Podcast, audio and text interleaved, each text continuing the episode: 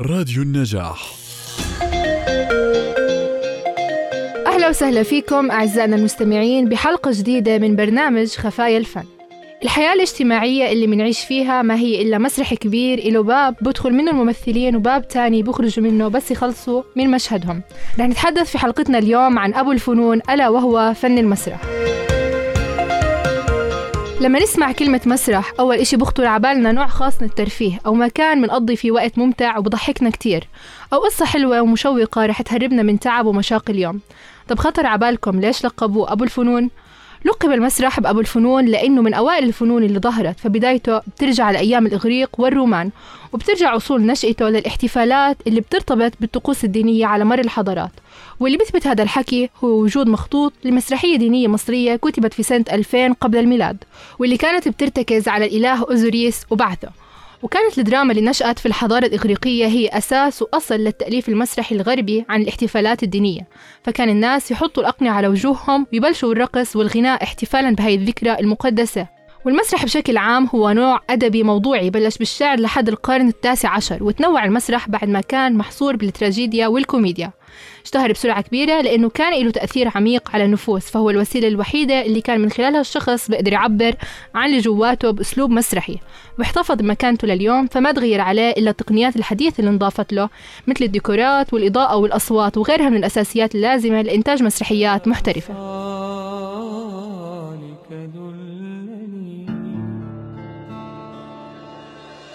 يا من هواه عزه وذلني. كيف السبيل إلى وصالك دلني؟ أنت الذي حلفتني وحلفت لي وتطور فن المسرح بشكل كبير عند الدول الأوروبية وأكبر دليل انتشار مسرحيات شكسبير. شكسبير كان شاعر وممثل وكاتب مسرحي بس اشتهر أكثر إشي بكتابة المسرحيات فهو يعتبر أعظم كاتب مسرحي على مر العصور وأحد أشهر مسرحياته مسرحية روميو وجولييت اللي كانت تتصنف على إنها مسرحية رومانسية تراجيدية. تناولت قصة شخصين وقعوا بالحب بالرغم من اختلاف خلفياتهم الاجتماعية وكان هذا الإشي بسبب العداء الواقع بين العيلتين فأظهرت المسرحية مشاهد حركية عديدة بسبب هذا الخلاف. واستطاع شكسبير كتابة أكثر من 30 مسرحية خلال حياته. لكن بالنسبة للمسرح العربي فالعرب ما عرفوا المسرح مثل الرومان والإغريق لأنه كانت اهتماماتهم متركزة على الشعر والخطابة والإلقاء وما اهتموا بوسائل التعبير الثانية مثل المسرح وهذا الإشي أخرهم في تبني هذا الفن العريق. وكمان ما أخذوا عن الإغريق خبرتهم في فن المسرح وبناء المدرجات والمسارح لأنه أغلب مسرحيات الإغريق كانت بتدور حول آلهة من البشر وهذا منافي مخالف جدا للأفكار العربية الإسلامية. بس بعدين تعددت أفكار المسرح واحتك العرب بالحضارة الغربية ودخل المسرح لبلاد العرب حتى وصل للي هو عليه اليوم. مثلت المسرحيات بقعة بتنبض بالحياة لتعبر عن كل المشاعر والظروف الحياتية من ظروف اجتماعية واقتصادية وسياسية. فظهر العديد من الأنواع منها مسرح الملهى هو عبارة عن الكوميديا وموضوعاتها واقعية من المشكلات اليومية اللي بيمر فيها الإنسان وبيغلب عليها الطابع الاجتماعي والفكاهي وبتكون نهايتها غالبا سعيدة ويمكن أنها تكون على شكل نكت أو قصص مضحكة. في عنا نوع آخر من المسرح وهو مسرح المأساة اللي هي التراجيديا وبتنتهي بفاجعة لكنها بتأكد قيمة إنسانية كبيرة. أبطالها من العظماء وبتتميز بالجدية وحدة العواطف وسمو اللغة اللي بيتكلم فيها الأبطال وهي على عكس الملهى. كان في نوع يعرض في الرقص مع الغناء يسمى مسرح المسلاة. وأيضا في نوع مهم جدا بحب إنكم تعرفوه بس خلونا سوا نسمع هالمقطع.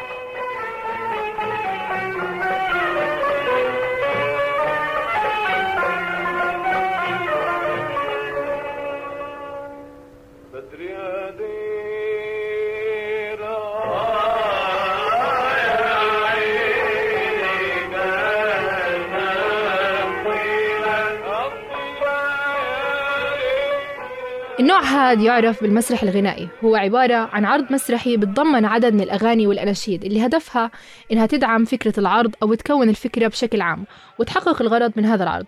تتألف من الشعر والموسيقى والرقص والتمثيل في التعبير عن أحداثه هو مقرب جدا للناس لأنه بيعبر عن الأحاسيس والمشاعر بشكل كبير من خلال الغناء.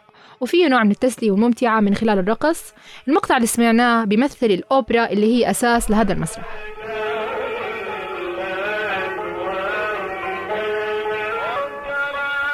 المسرح كان وما يزال النقطة اللي بلش منها انطلاق الشرارة نحو الثقافة والتطور والمساعدة في تطوير المجتمعات والوصول لحل أفضل.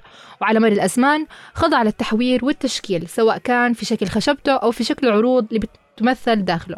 فقدم الأدب المسرحي في الميادين وخارج المعابد وداخل الكنائس ومر بمراحل كثيرة حتى أقيمت له دور التمثيل الحالية. ولكن اللي بخطر على البال إنه هل المسرح هو مجرد ممثلين إضاءة ملابس إكسسوارات ديكورات وخشبة مسرح مؤثرات. هل من خلال هدول الأشياء بقدر أكون ممثل مسرحي جيد؟ طبعا التمثيل بيحتاج للتدريب. فمثلا الحروف لازم تكون واضحة نبرة الصوت تكون عالية لازم تقدر تتحكم بتعبيرات وجهك وانفعالاتك. وأهم إشي إنك وإنت على خشبة المسرح يكون قدامك حشد كبير من الناس تكون مرتاح تماما وتركز دايما إنه التمثيل شغفك لحتى يكون أدائك رائع.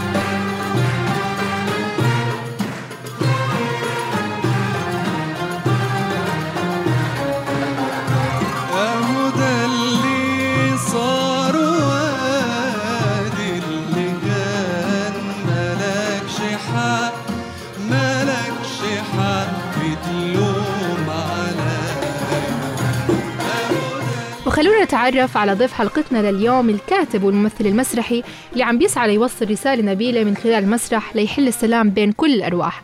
أنس الدلقموني مساء الخير وأهلا وسهلا فيك. مساء النور أهلا وسهلا فيك. آه أنس احكي لنا كيف بلشت مسيرتك الفنية؟ بداية بشكركم على هذا اللقاء الفخم ولراديو النجاح آه، تحياتي لكل الناس القائمين عليه. آه، أول شيء بداية مسيرتي الفنية هي كانت من خلال التطوع لأنه الإنسان من خلال التطوع وإنه يعطي المجتمع آه، هون بتبلش مسيرته الفنية أو مسيرته التطوعية. بداية المسرح كان عندي هو إيصال رسالة كانت بتتمحور حول موضوع التدخين. بلشتها مع جمعية اسمها جمعية مجددون الأردن. آه، في عمان أجوا فتحوا فرع في إربد فأنا حبيت أتطوع معهم فاستلمت ال- القيادة في إربد. فأجينا بدنا نعمل مسرحية عن التدخين وإيش أضرار التدخين وكيف نوصل للناس إيش هو ال- الأضرار إيش هي الأضرار تاعت التدخين وكيف ممكن نوعيهم بطريقة فنية وبطريقة توصل لهم بسرعة. فعملنا يومها سكتش مسرحي كان اسمه إنت قدها فكونت فريق مسرحي صغير من المتطوعين اللي معنا وعلمتهم كيف يمثلوا المسرح الصامت. فبدايتي كانت هي بالمسرح الصامت اللي هو من أصعب الأنواع المسرح اللي ممكن الإنسان يمثله. فيومها يعني قدرنا الحمد لله انه نقدر نوصل رساله ونوعي الناس الموجودين في الجامعة من خلال هاي المسرحية القصيرة اللي هي كانت تحكي عن أضرار التدخين وكيف وقديش الإنسان آه، راح ينضر من التدخين وإيش المرحلة اللي ممكن يوصل لها بعد ما يدخن وإيش الأثار المترتبة على هذا الشيء آه طب قديش بتعتقد للمسرح أثر على حياتك كأنس؟ يعني المسرح وبالنسبة إلي روحي بتمشي جواتي لأنه أنا من خلال المسرح قد قدرت أوصل رسائل كثيرة وقدرت أوصل لأهداف كثيرة في حياتي. آه، بجوز المسرح هو كان فاصل كثير مهم في حياتي إني أقدر أعبر عن مشاعر عن مشاعري الداخلية للناس أو للجمهور اللي, اللي مقابلي وحتى بتعاملي الشخصي مع الناس.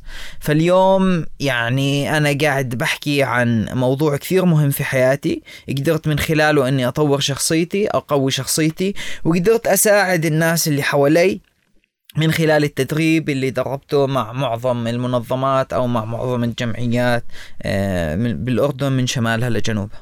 حلو كتير. طيب بتقدر تقدم لنا سكتش مسرحي؟ okay راح أقدم سكتش كثير صغير لخطاب بين شخص وحبيبته. تمام؟ آه، من خلالها راح آه، يوصل لها رسالة سلام بين الأمم. okay. تفضل. أيتها النابضة في هذا البحر الواسع؟ إنني أتي إليك اليوم لأقول لك سلام بين الأمم.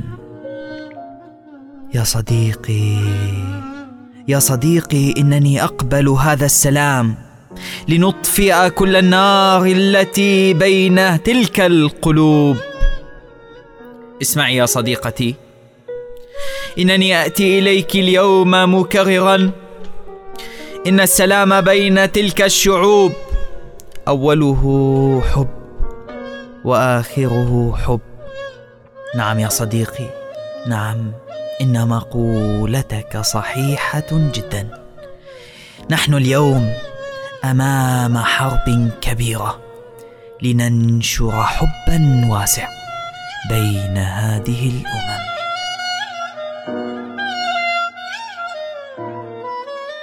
آه جميل جدا. آه طيب آه أنس شو الصعوبات والتحديات اللي بتواجه المسرح في الوقت الحالي؟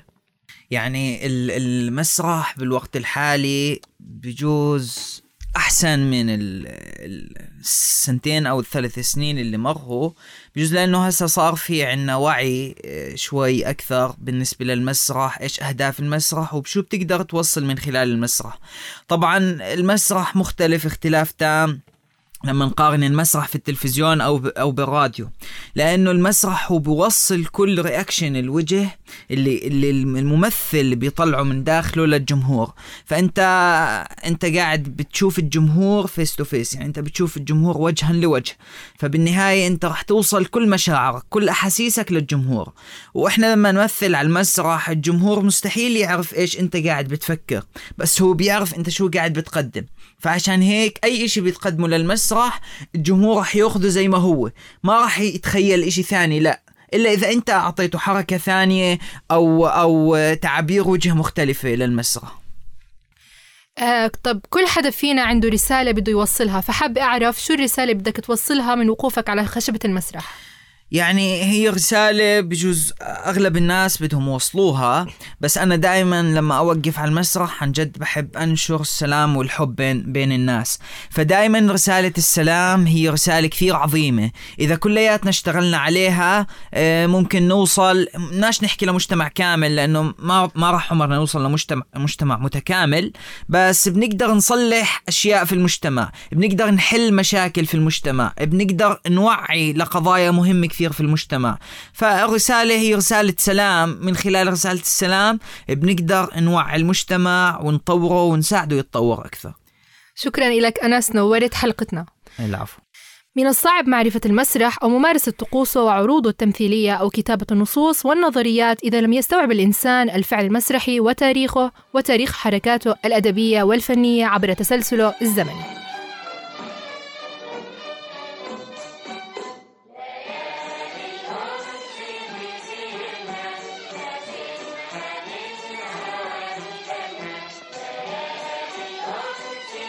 هيك بيكون ختام حلقتنا لبرنامج خفايا الفن على راديو النجاح. إعداد وتقديم رغد أبو خضرة ومن الهندسة الإذاعية محمد عبد الله.